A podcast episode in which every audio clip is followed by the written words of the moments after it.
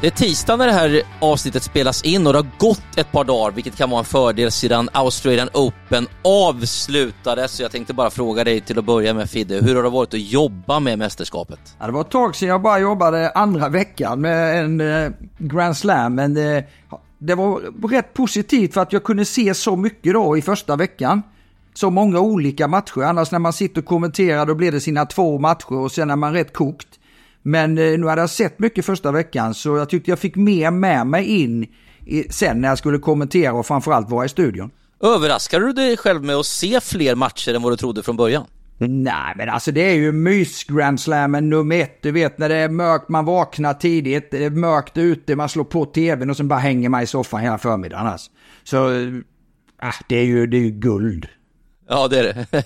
Happy Slam, jag glömmer Exakt. aldrig på den, på den gamla goda tiden här Fidde, när man gick upp extra tidigt på morgonen för att få rapporterna från Mats Strandberg och det var något visst klockslag som var lite för tidigt innan man skulle gå till skolan, men man orkade sig ändå upp för att då hade inte text-tv uppdaterats och då fick man det senaste från Australian Open. Man kunde få... Är du så gammal? Ja, men det var ju så faktiskt på den tiden. Man är ju 50 fyllda, vet du, så att hade Stefan Edberg spelat, man visste vilken match det var, när den skulle vara slut ungefär.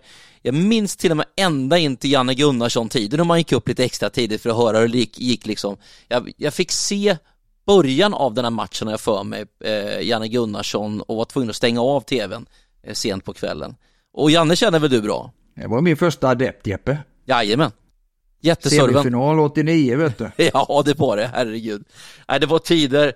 Eh, men det var mysfaktor, herregud man gick upp eh, när det var mörkt där innan man smög iväg till skolan och, och, ofta hade Edberg vunnit så då var ju liksom resten av dagen så jävla härlig va. Och det var härligt att se dig i studion Fidde, eh, elegant som gjord för det där jobbet tycker jag.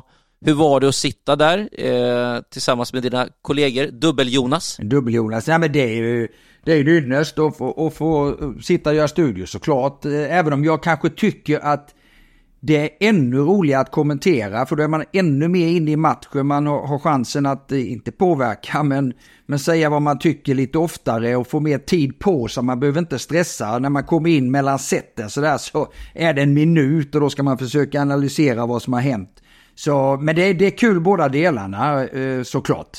Björkman var inne på att kinesiskan i finalen där hade gjort en eh, riktigt bra final, men då fick han direkt på näsan av dig eh, att hon inte hade servat tillräckligt bra. Var det andra sätt va? Nej, jag vet inte om han fick på näsan. Eh, hon gav ju bort två servegame där, men oavsett om hon hade servat så mycket bättre så hade hon säkert inte haft en, en chans. Utan Sabalenka från start i mål så mycket bättre än, och så mycket bättre än alla tjejer egentligen. Eh, det är möjligt att Goff Eh, kunde göra match av semifinalen. Men, men jag måste säga på vilket sätt eh, Arina gick igenom hela, hela Australian Open i år eh, var makalöst bra gjort. Med tanke på också, du vet när du är defending champ, du, du vill uppleva det där igen. Det är många som inte klarar av pressen när de har vunnit året innan. Det är helt nytt, du måste ladda om.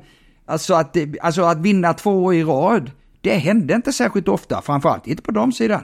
Nej, och, och jag älskar när någon tar den där facklan och ställer sig längst fram i ledet. Och det spelar ingen roll vilken sport för mig egentligen, om det är Formel 1 och Schumacher eller Stenmark i skidor eller Verstappen är det väl numera då när det gäller Formel 1. Men, men just att det finns någon som alla vill slå och eh, de där matcherna som man liksom går dit för att knäppa på tvn för att se. Och, och någon känsla får jag nu av att Sabalenka vill ta den där facklan. Jo, men samtidigt så är det en, en spelare bara. Jag tänkte jag tänkte fråga dig den frågan. Eh, en annan som, som lever med det här och det är mitt jobb. Eh, för jag förstår ju att det är en smaksak. Du har ju två helt skilda eh, scenarier här. Du har en herrsida där det är hur förutbart, eh, vad heter det? förutsägbart som helst.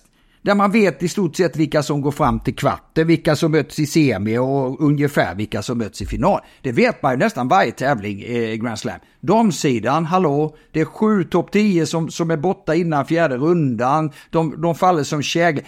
För dig som idrottsälskare, men ändå inte jobbar med tennis, vilket föredrar du? Föredrar du Schumacher, i det här fallet som vinner varje, varje race? Eller vill du se den här spänningen, vem ska vinna nu? att det är någon annan som vinner. Vad, vad, vad, vad känner du? Alltså det är ett otroligt lätt svar eh, på den här frågan, för mig åtminstone. För att det här med dynastier som växer fram, eh, om det så är Navratilova eller Steffi Graf eller Serena Williams, det älskar jag och, och, att, att någon som Sabalenka här går först i ledet och sen, sen kan jag väl tycka lite grann att Sabalenka behöver gå Sviontek och kanske någon mer för att det ska bli riktigt, riktigt spännande där i toppen och det har inte varit det på länge tycker jag och sen att de här toppspelarna, man vet att Sviontek mycket väl kan eh, vika ner sig i tredje, tredje, fjärde rundan. Det tycker jag är jobbigt. Eh, på här sidan är jag lite naiv Fidde när jag går in i de här tävlingarna. Där säger du till mig tidigt i tävlingen att det är de här fyra. Men jag vill ju ändå tro att en sån som Holger Rune ska få sitt genombrott eller så. Eh, så att jag har kanske en naivitet på ett annat sätt i här sidan.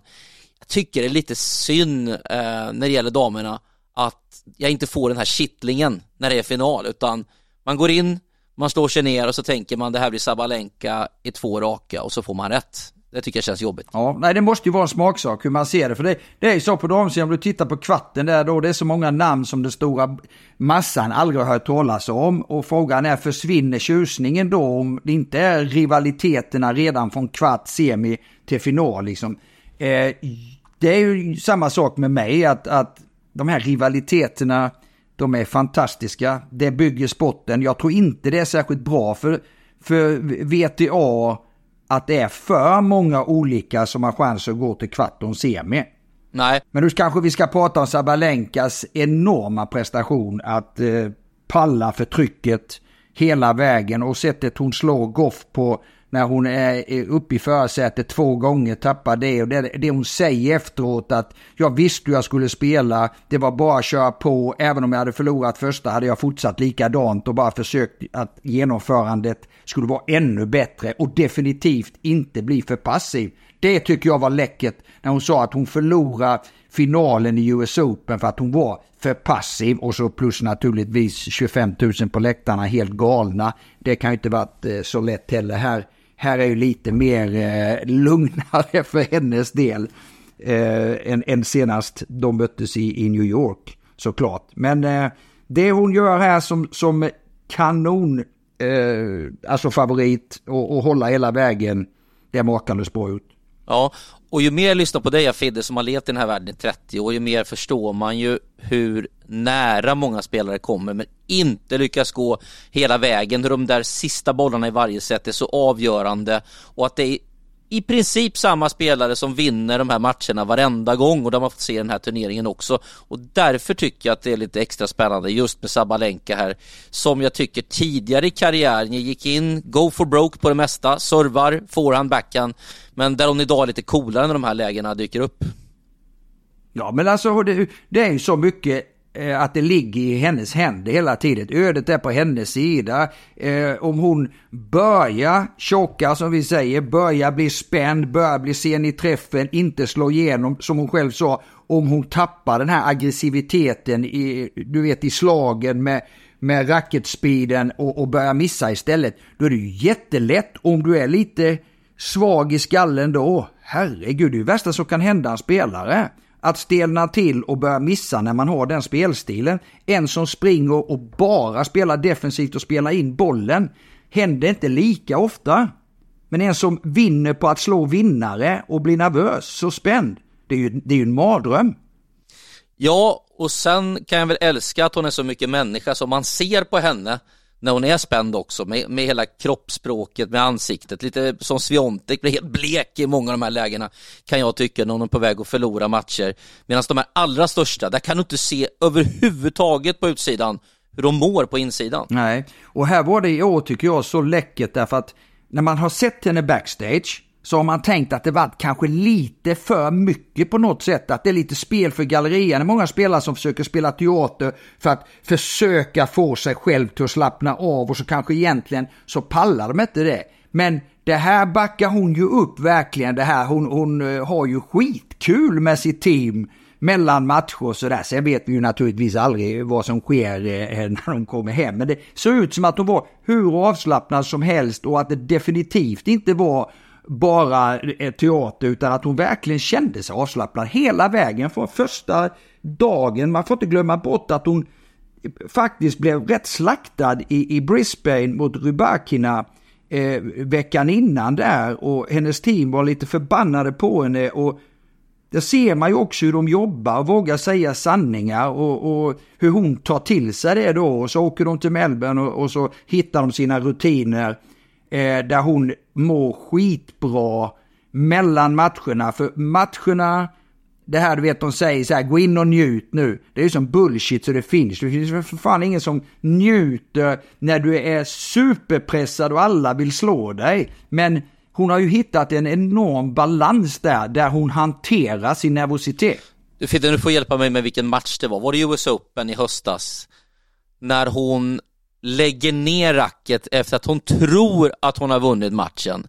När tiebreak ska gå till 10 och hon leder med 7 eh, någonting och tittar upp mot sin box och de bara Nej! Det är tre bollar kvar. Alltså Jeppe, jag är, jag är 14 år äldre än dig. Eh, jag kommer inte ihåg vilken match det var alltså. Men jag kommer ihåg scenariet. nej, okay. ja. ja, men alltså hon, har, hon är så charmig där och hela hennes box, de verkar ha jävligt kul ihop och det var du inne på tidigare här. Ja, det, ska bli, det ska bli underbart att, att följa henne resten eh, av året eh, måste jag säga. Nu, nu är det ju de andra som, som liksom måste, måste hoppa på tåget. Idag blir det såklart fokus på en helt annan spelare som heter Jannik Sinner. Eh, vi ställde oss frågan tidigare i podden. Är det dags för Sinner i år? Det var väl den stora frågan vi ställde oss inför den här turneringen och svaret blev det är Sinner time. Vad säger du då när han lyfter bucklan här i slutändan? Ja man är alltså man är inte förvånad på något sätt. Däremot eh, ruskigt bra gjort. Han har ju alltid varit, eller alltid, han är 22 år, men de senaste åren hela tiden som man liksom gått och väntat på att förr eller senare så händer det ordentligt. Men sen som med alla flesta spelare så är det lite toppar och lite dalar. Han har haft perioder där han liksom inte riktigt klarat ut pressen att nu är han topp 10-spelare, nu är han oftast favorit när han går in. Det har varit jobbiga perioder 2022. Eh, han går in 2023 som nummer 15 i världen och det ska vi ju veta att det är tio gånger lättare att ta sig från nummer 65 i världen till nummer 15 i världen än att ta sig från 15 till, till nummer 4 i världen. För då måste du helt plötsligt börja slå de, de bästa spelarna på löpande band och du måste vara uppe i semi och finaler i de största tävlingarna. Så om man ser redan förra året där när han började som 15 då när han vann Montpellier var det va? Och så var han i final i Rotterdam, fick stryka Medvedev där. Sen gjorde han sin första semi i Wimbledon, så det började ju såses frö för bättre grejer. Men så har han varit lite känd för att fysiken fortfarande inte är, vi har väntat på att när ska du när ska du klara liksom fem set mot de bästa spelarna och slå dem där i de här enormt långa matcherna? Där har han ju inte klarat det innan. Jag kommer, kommer ihåg när han mötte Hachanov i US Open 2020. Han, ledde, han, han, han sköt fullständigt karren av banan. Jag bara satt och tittade, vad är det här för en kille? Liksom 19 år, man hade hört talas om honom, men han var ruskigt bra. Han börjar krampa första gamet i tredje set. Karren vinner i fem och Jannik har faktiskt förlorat rätt mycket femsetar. Så det är klart att Börjar du tvivla på det, kommer jag klara det här mot de bästa spelarna? Men hösten, han börjar slå Medvedev, han slog Medvedev tre gånger där. Han slog Djokovic två gånger där, han slog Alcaraz. Jag menar, vad har han att vara rädd för? Och sen detta att han har jobbat, även då när han, när han krampade på det så har han hela tiden ödmjukt jobbat långsiktigt. Han har aldrig snackat om att han ska vara etta i världen som Alcaraz gjorde kanske redan när han var 19 eller 18. Han har aldrig snackat om att vinna Grand Slam utan när det händer så, så händer det och så har han jobbat vidare med sitt team. Så den ödmjukheten som Jannik har och den enorma drivkraft att varje dag, varje träningspass, se till att han ska göra någonting för att bli bättre. Det är ju det som är den stora grejen i det hela. Det var otroligt coolt hur han uttryckte sig och eh, hur han precis som du sa påpekade att det får ta den tid det tar, att han aldrig känt stressen och att det måste ha påverkat honom positivt i de här lägena, framförallt kanske i en final när man ligger under 0-2 i set. Jag vill ta in dig i den här finalen Fidde, där han går in som favorit i sin första Grand Slam-final och Medvedev byter taktik, kommer närmre baslinjen, skickar runt Sinner som inte tycker jag hittar riktigt bollträff eller timing. Jag trivdes inte riktigt med att se finalen fram till 6-3 och 5-1 för Medvedev, för det var bara en spelare på banan och det var bara en spelare som mådde bra där ute. Men sen hände det någonting när han hämtade upp till 5-3 och det såg ut som han började tro på det. Vad har du för analys därifrån och framåt? Ja, då får vi sitta i två timmar. Nej, men alltså de, de möttes ju tre gånger i höstas och det var tre enormt tuffa matcher. Två av dem var tre set. Den tvåsetsmatchen var 7-6, 7-6. Det var fantastiskt bra spel, tätt spel. Och när, när eh, Medvedev var framgångsrik i de matcherna, då flyttade han upp mot baslinjen, då spelade han aggressiv tennis. Eh, så det kan ju inte ha tagit sin, eh, liksom, att han på något sätt var chockad över hur Medvedev taktiskt skulle börja den här matchen. Plus, för det är ju en annan eh, aspekt, när du är så, har spelat så mycket och börjar bli så sleten som Edvard, han förstår ju att han kan inte spela sitt, det spelet som han gör i sex matcher, sju, springa tre meter bakom baslinjen och spela in bollen. För det första har han inte en chans mot Sinner om han skulle spela så. Men sen hans trötthet, historien de här två veckorna med så mycket matcher, så mycket sätt som han har spelat, så många timmar han har förbrukat där ute. Det var ju solklart att han skulle gå in och vara aggressiv. Det som blir spännande framöver som jag ser det som coach, det är ju när han är 100% fräsch nästa gång de möts kanske. Kommer han gå in så då? Eller faller han tillbaka till hans comfort zone där han egentligen vill spela sin tennis? Eller kommer han vara lika jäkla aggressiv som han var de här två första seten när han orkar? Men sen var det som Jonas Björkman sa så jäkla bra, för han sa det är vansinnigt jobbigt att vara aggressiv också. Man bara tror att det är jobbigt fysiskt att springa tre meter bakom baslinjen. Men det, det där stämmer ju inte. Utan så aggressiv och de löpningarna i djupled fram på nät som, som Medvedev gör i den här matchen, det tog ju också på krafterna. Eh, hans chans, tror jag Jeppe, hade varit att ta andra set 6-1. Både eh, mentalt, för sinne som inte alls var inne i matchen som du nämnde. Han var nervös, han var spänd. Jag har väl sett han klara ut det tempot. Det finns väl ingen som är starkare i ytterläge än vad Jannik Sinn är. Det har han klarat mot, mot äh, Alcaraz, mot Djokovic, mot äh, Tsitsipas äh, och mot Medvedev inte minst. Så att det, det har, har inte varit några problem. Han var spänd, han var nervös, det såg man i timing, koordination, han tog älgakliv där ute. Han var inte alls lik ramade. Men det är också mänskligt. Det var hans första final. Så man är inte chockad på det. Jag är inte chockad hur, hur Medvedev spelade taktiskt och jag är inte chockad att Jannik inte spelade sitt bästa spel. Och jag tyckte inte det var särskilt bra final och jag tyckte inte heller att det berodde särskilt mycket på Sinner att matchen vände. Nej, jag börjar få tankarna på den här finalen mellan eh, Dominic Thiem. Helsike vad jag pratar! Nej, det är bra, jag älskar det. Eh, jag börjar få den här, eh, den här finalen, du vet, mellan Dominic Thiem och Zverev. Liksom lite så här på, på oh. ja men den här usla finalen va. Sämsta Grand Slam som spelats. Ja, det var en mardröm att se den matchen. Och det kändes lite fram till 5-1 i andra som att usch, ska det bli en sån här till nu? När mm. ingen av de tre... Ja, håller med. Ja, när ingen av de här tre stora är med. Okej, okay då kommer en ung kille här som alla tror ska svepa alla av banan och så blir han bara, ja men liksom eh, helt mosad här va, av den rutinerade Medvedev. Så fram till dess var jag jättebesviken. Sen som du sa, så mådde jag allt bättre för att nu blir det match. Vem som än vinner den här matchen så är det en fantastisk final. Uh, och uh, jag tyckte jag mådde bra också med Sinner av att han hittade dels den här rytmen, bollträffen, men han kändes så lugn också i, i förberedelserna till alla slag och sådär. Såg ut som en helt annan spelare. Så att, ja, men han fick ju mer tid på sig. Ja, han fick det. Eh, och sen så hör jag hur coachen skriker “Take the net away from him”. Eh, berätta, vad handlar det om Fidde? Ja men det handlar ju om att han måste vara aggressiva och spela. Det var jag förvånad. Att han inte var förberedd liksom på att spela mer serve och volley, mixa upp det mer. Visst, nu så, men det kan, han kan ju inte varit chockad att, att Medvedev stod närmare baslinjen i returerna. Gjorde han även mot Hurkacz. Eh, kröp upp närmare va, så att det kan han inte varit chockad över. Men jag hade förväntat mig att, eh, att Sinne skulle komma på nät mer. Men han hade ju ingen bollträff. Han var, alltså, han var helt vilsen där ute.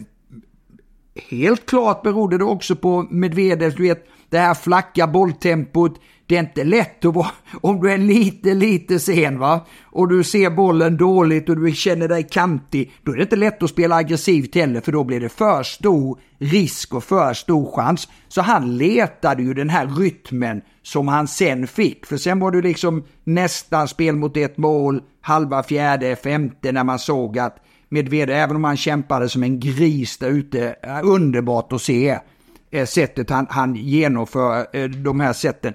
Eh, så var jag förvånad i början kanske. Och det är det han menar då, att server volley, ta nätet från han. För det var ju Medvedev som var framme på nät. Det var ju han som kom fram. Han kom ju fram både på första serve, han kom fram på andra serve ibland. Det var han genom att sinnet tappade längd för att han inte kunde gå med tempot eftersom han var som han var. Så var det ju Medvedev som var framme. Och det var det han menade med att ta nätet ifrån honom. Du måste fram först.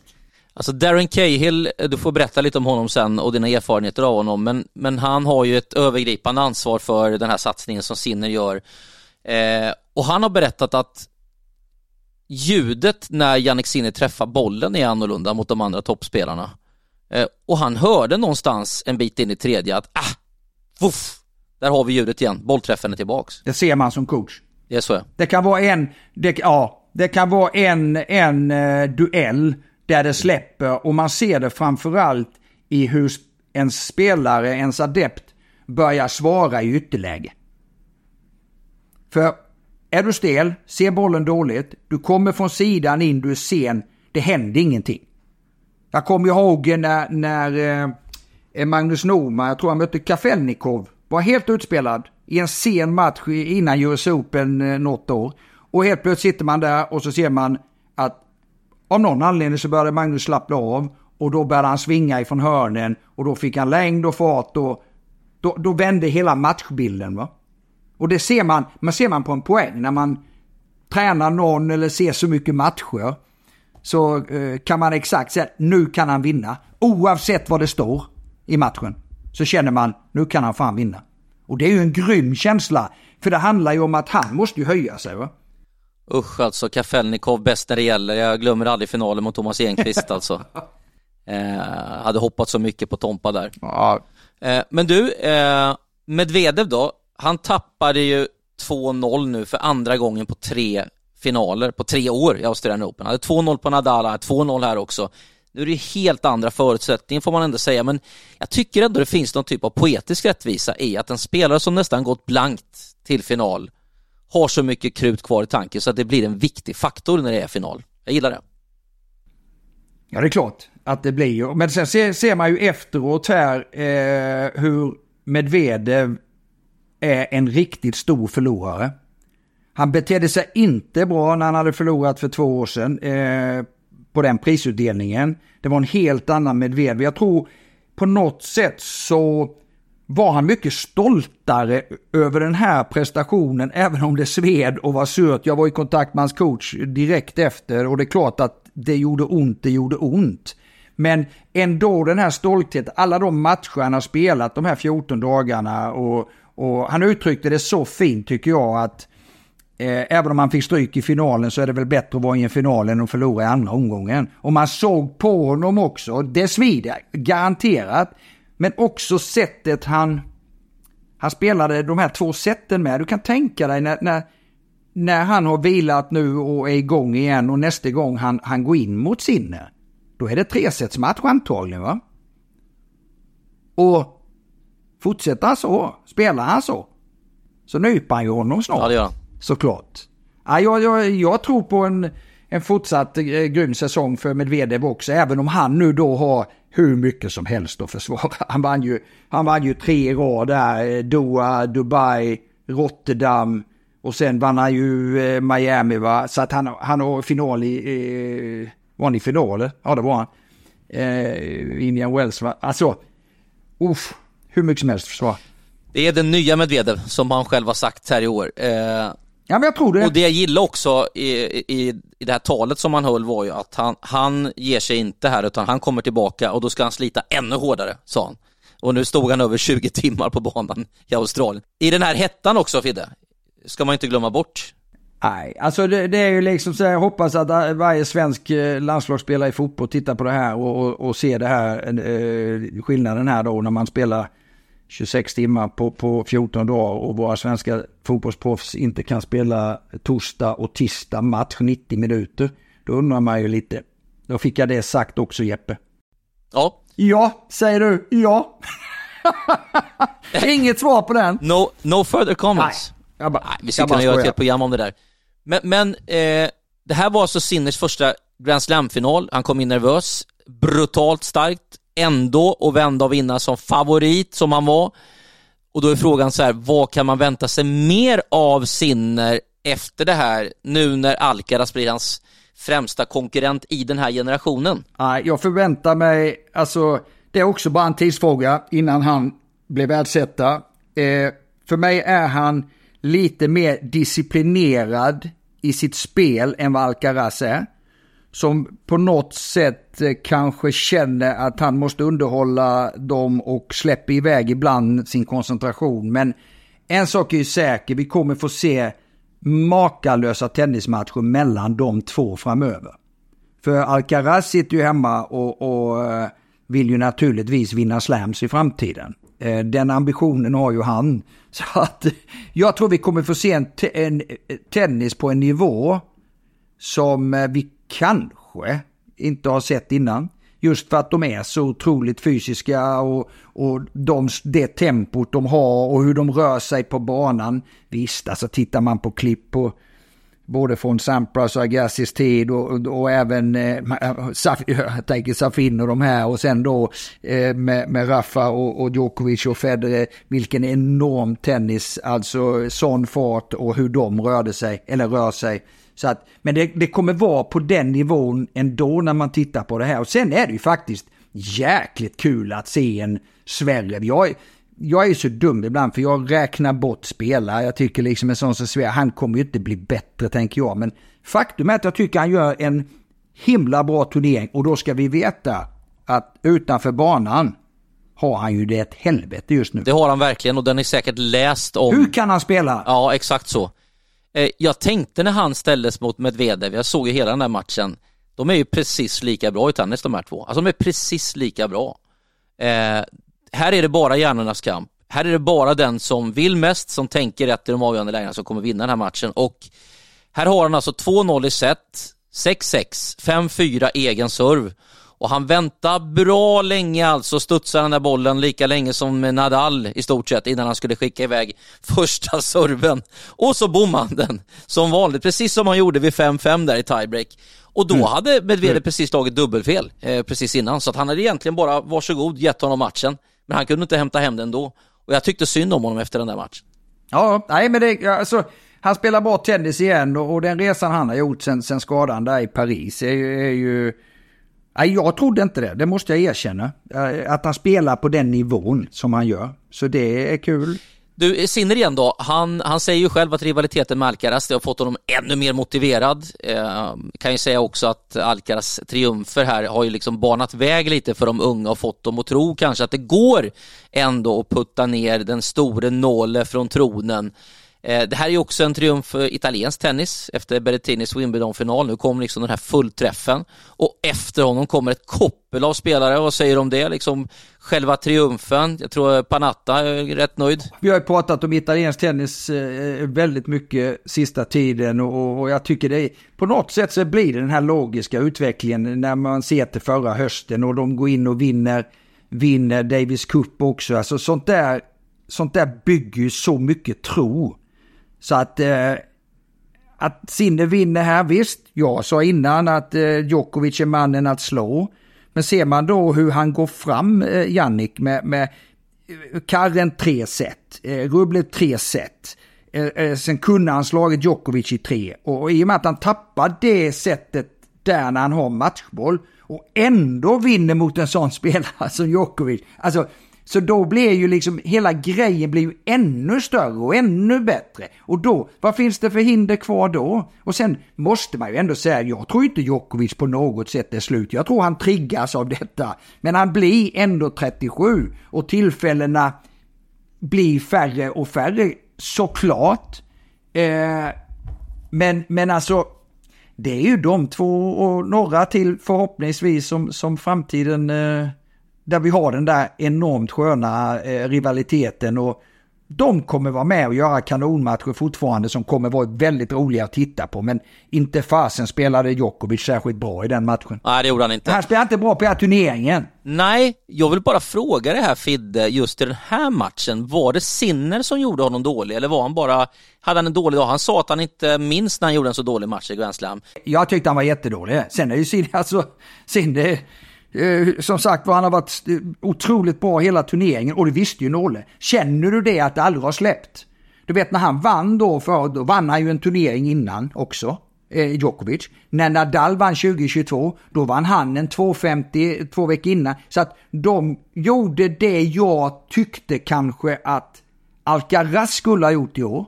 Eftersom hans höst inte har varit med så mycket eh, vinster och självförtroende då skulle han åkt och spelat en mindre tävling, tagit en av dem där och kanske vunnit den och byggt lite självförtroende. Jannik behövde inte det, för han hade så mycket med sig från hösten in och så behövde han lite uppvisningsmatcher på Kujong där innan och sen kände han sig kanon. Men Alcaraz och sen tror jag det var som har spelat in hos Alcaraz också var nog att Ferrero inte var där.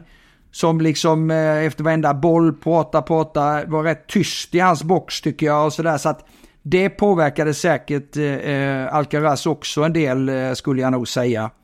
Eh, men ingen kan ta ifrån eh, Jannik och tron på italiensk tennis. Och du kan tänka vad det föder att få vara med honom fem sex år framåt här för de spelarna som kommer bakom.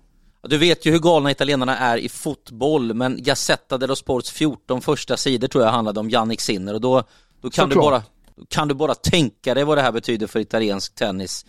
Uh, jag tror de har väl ja, men 30 miljoner fotbollspassionerade människor i Italien som fick läsa om tennis det första de gjorde när de kom upp på måndagen istället. Det är spännande tycker jag. Häftiga, det häftiga Jeppe där, förlåt jag avbryter där. Ja. Det häftiga är ju också att det är ju liksom en, en det har ju varit en plan. Alltså det är en plan. De, det, det, vi har inget, vi har bara massa tävlingar, varför har vi inga spelare? Vi måste hitta på något annorlunda, vi måste ha en plan, en strategi och sen går vi och, och, och genomför den och jobbar som fan. Det finns inga garantier för det, men det är en plan. Eh, vad heter det? Sinner förlorade mot Tsitsipas va? Och förlorade mot ja, Tsitsipas igen förra året, men för, för två år sedan i Australian Open förlorade han mot Tsitsipas. Och då bestämde han sig för att jag måste göra någonting annat. Jag har tränat som attan här nu, jag kommer ingen vart. Jag blev helt utspelad mot Tsitsipas. Eh, Tsitsipas. Då bytte han sitt team. Och det var ett bra team han hade. Riccardo Piatti som har rest med honom sedan han var liten, tagit honom dit. Men han kände, jag kommer inte vidare.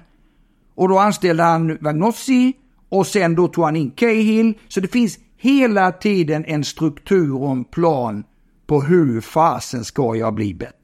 Så det är inget kommer av sig själv. Nej. Ingenting kommer av sig. Eh, och, där blir jag lite nyfiken här, för det allra mest imponerande, det kanske är att han har slagit i princip allt har han vunnit mot topp 5-spelarna de senaste månaderna. Jag tror han har 10-1 mot topp 5-spelarna i världen. Eh, men ändå upplever jag i alla fall när jag ser de sista matcherna att det finns en del att, att utveckla. Eh, han kan slå bra stoppbollar, men de var usla i finalen. Usla? Alltså iskalla. Eh, jag tycker volleyn darrar några gånger. Han ska in och lägga in en enkel forehand och börja liksom, eh, äh, det såg slappt och eh, inte så eh, bestämt ut som det ska göra från de här allra bästa spelarna. Vad har han kvar så att säga i, i sitt spel? Har han liksom, ska han, ska han bli bättre i de aspekterna? Ska han hitta en, en backhand slice? Eh, vad tycker du är liksom det främsta för honom att utveckla? Ja, men alltså, när du ser i en sån här match, när du ser en, en, en dålig volley eller någonting, det är egentligen ingenting att han inte kan spela en forehandvolley.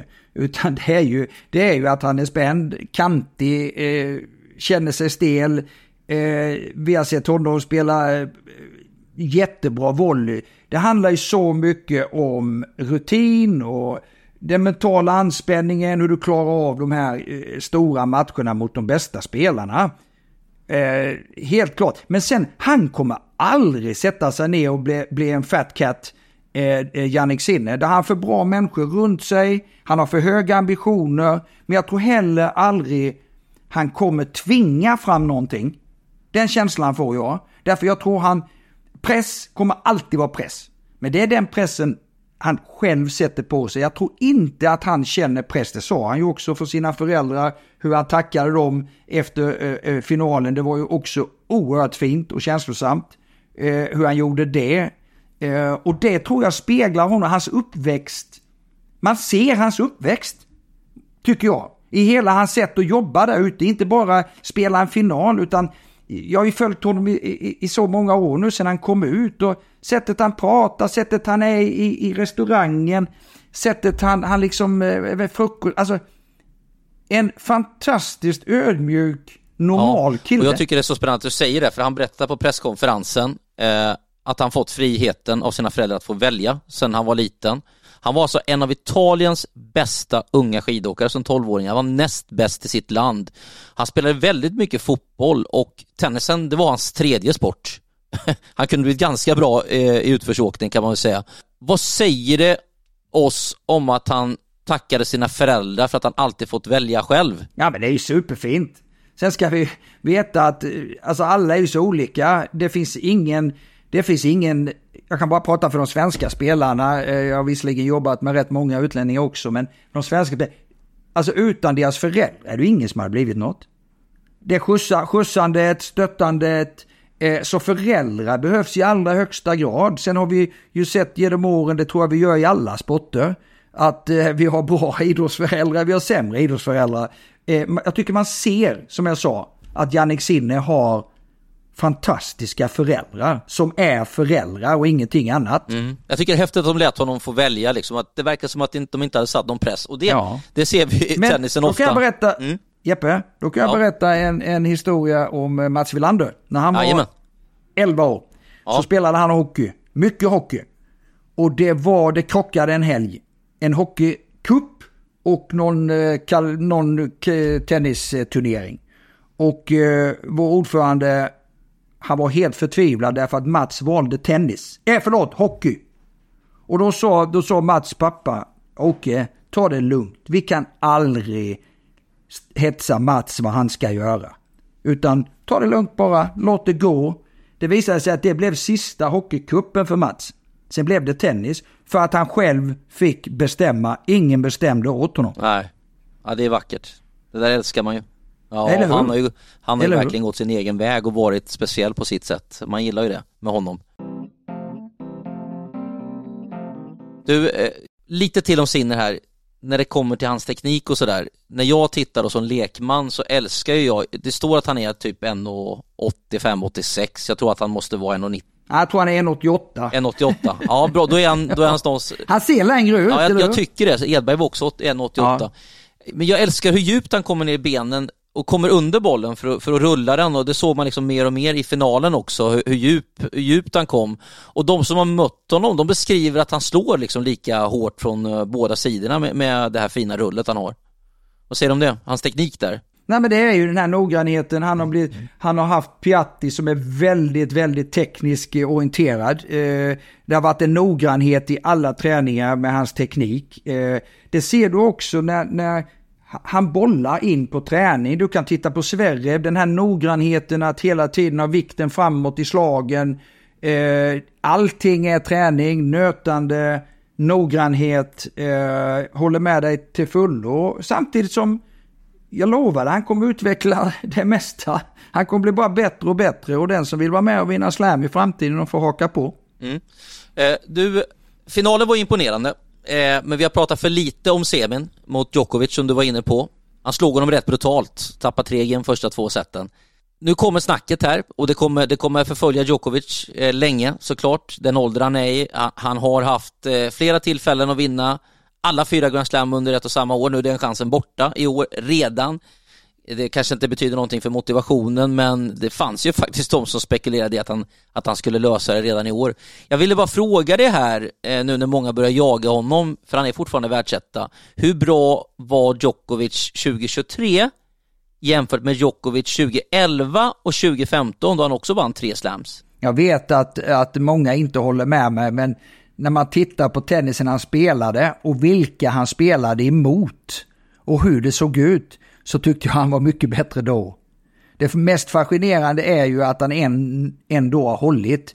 Han säger själv att han är bättre på andra saker, han var kanske snabbare, mer explosiv då, men, då, men har mer rutin nu och går väl in kanske med en annan approach mentalt. Samtidigt när du blir äldre, du blir oftast lite nervösare. Jag tycker han missar slag och har gjort några år här nu som han absolut inte gjorde när han var som bäst enligt mig. En, en Djokovic 2011-2015 hade definitivt slagit en Djokovic 2023. Mm. Men det, Jeppe, det är, det är vad jag tycker. Ja, jag gillar ju nostalgi vet du. Det är, det är ju fyra spelare som har ryckt, ryckt ifrån här. Eh, och så var det ju lite grann när de tre stora och Murray var, var bättre än de andra. Sen, sen var ju Ferrer länge femma där, ensam femma. Södring utmanade ett tag, sen kom ju Wawrinka då, då. Men, men hur ser du på de här fyra jämfört med de andra efter att ha sett den här turneringen? Vilka fyra pratar du nu om? De, de fyra som du nämnde inför turneringen som stora favoriter, två av dem i finalen, plus Djokovic, Alcaraz, att de fyra ryckte iväg här lite. Ja, ryckte iväg, men de, de, de kommer vara med ett tag och det är ju bara frågan om hur länge Djokovic orkar och jag tror han orkar så länge han märker att han kan matcha dem. Om han skulle, om han skulle märka i år att han inte är framme och spelar någon Grand Slam-final, ah, då kanske han ger det i början på nästa år en gång till kanske. Men det där är bara spekulationer. Alltså han, han är ju så pass bra fortfarande så han, han kommer säkert vara med och ställa till det för de här. Eh, sånt här tror jag bara triggar honom egentligen. Sen är det frågan om han, alltså rent fysiskt, kommer kunna vara med. Det vet man ju inte. Alltså grejen är ju med, med Djokovic än så länge att han, han är ju inte skadad. Det är värre för de här som måste ta tre, som Nadal som har tre månaders skadeperiod, sen ska du bygga upp dig och sen ska du mentalt spela 40-30 boll eller 30-40, du ska stänga set, du ska stänga matcher och allt det där mentala spelet som kommer därtill. Och så tve, tvekar du då på fysiskt om du, om du är fit liksom. Så att det är ju så mycket demoner där men de har ju inte Djokovic. Än så länge i alla fall. Han, eh, även om han har skavanker. Jag har egentligen bara en stor fråga till och det, det är vad är det som gör att Tsitsipas, Zverev och övriga inte kunde utmana de tre stora men att de här unga lyckas slå dem nu? Ja, men vi har ju varit inne på det. Det är ju för att de börjar bli lite äldre och lite sämre i mina ögon. Att de, men framförallt så känner jag att det här är andra typer. De är gjorda av annat virke, eh, Alcaraz, Sinner och kanske till och med Rune. Det får vi se. Men där finns enorm drivkraft. Eh, det är kanske lite för utflippat på andra håll, jag vet inte.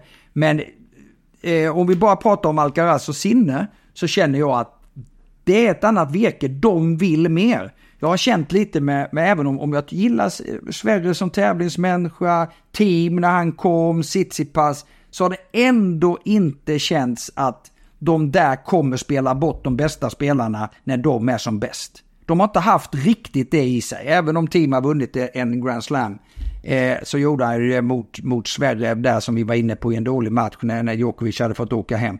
Så eh, jag tycker de här som kommer nu är bättre än vad, vad Sverige, Timo, Tsitsipas och några till. Du har ju, du har ju Rubblen där bakom, du har Fritz, du har några till som är ruskigt bra i tennis men tåget går. Har de inte tagit en Grand Slam nu så tror jag inte de kommer göra det. Du uh, Fidde, det var en underbart pratstund. Är du nöjd för idag? Ja, jag hade velat ta en timme till. Nej, ska jag bara. Jeppe, det är underbart att prata med dig. Men jag hade ju velat prata om dina katter. När ska vi göra det? Det kan du få i nästa avsnitt. Jag skrattade, nej, men jag skrattade i morse när du, när du berättade om att du är sexa på rankingen. Ja. Då, då tänkte jag fråga hur mycket har du att försvara? Mm. Du, eh, är det en del eller? Ja, så är det väl. Det är inte så många poäng här hemma, det kan jag säga, som behöver försvaras. För man, eh, man är långt ner i skiten här ibland. Men jag kan berätta om eh, dramat med katterna nästa gång vi hörs, om det låter bra. katterna är underbart.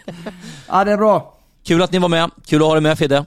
Härligt Jeppe. Vi hörs snart igen hoppas jag. Det gör vi. Ja, ja det gör vi. Snart igen. Mycket nöje. Ha det bra. Hej. Hej.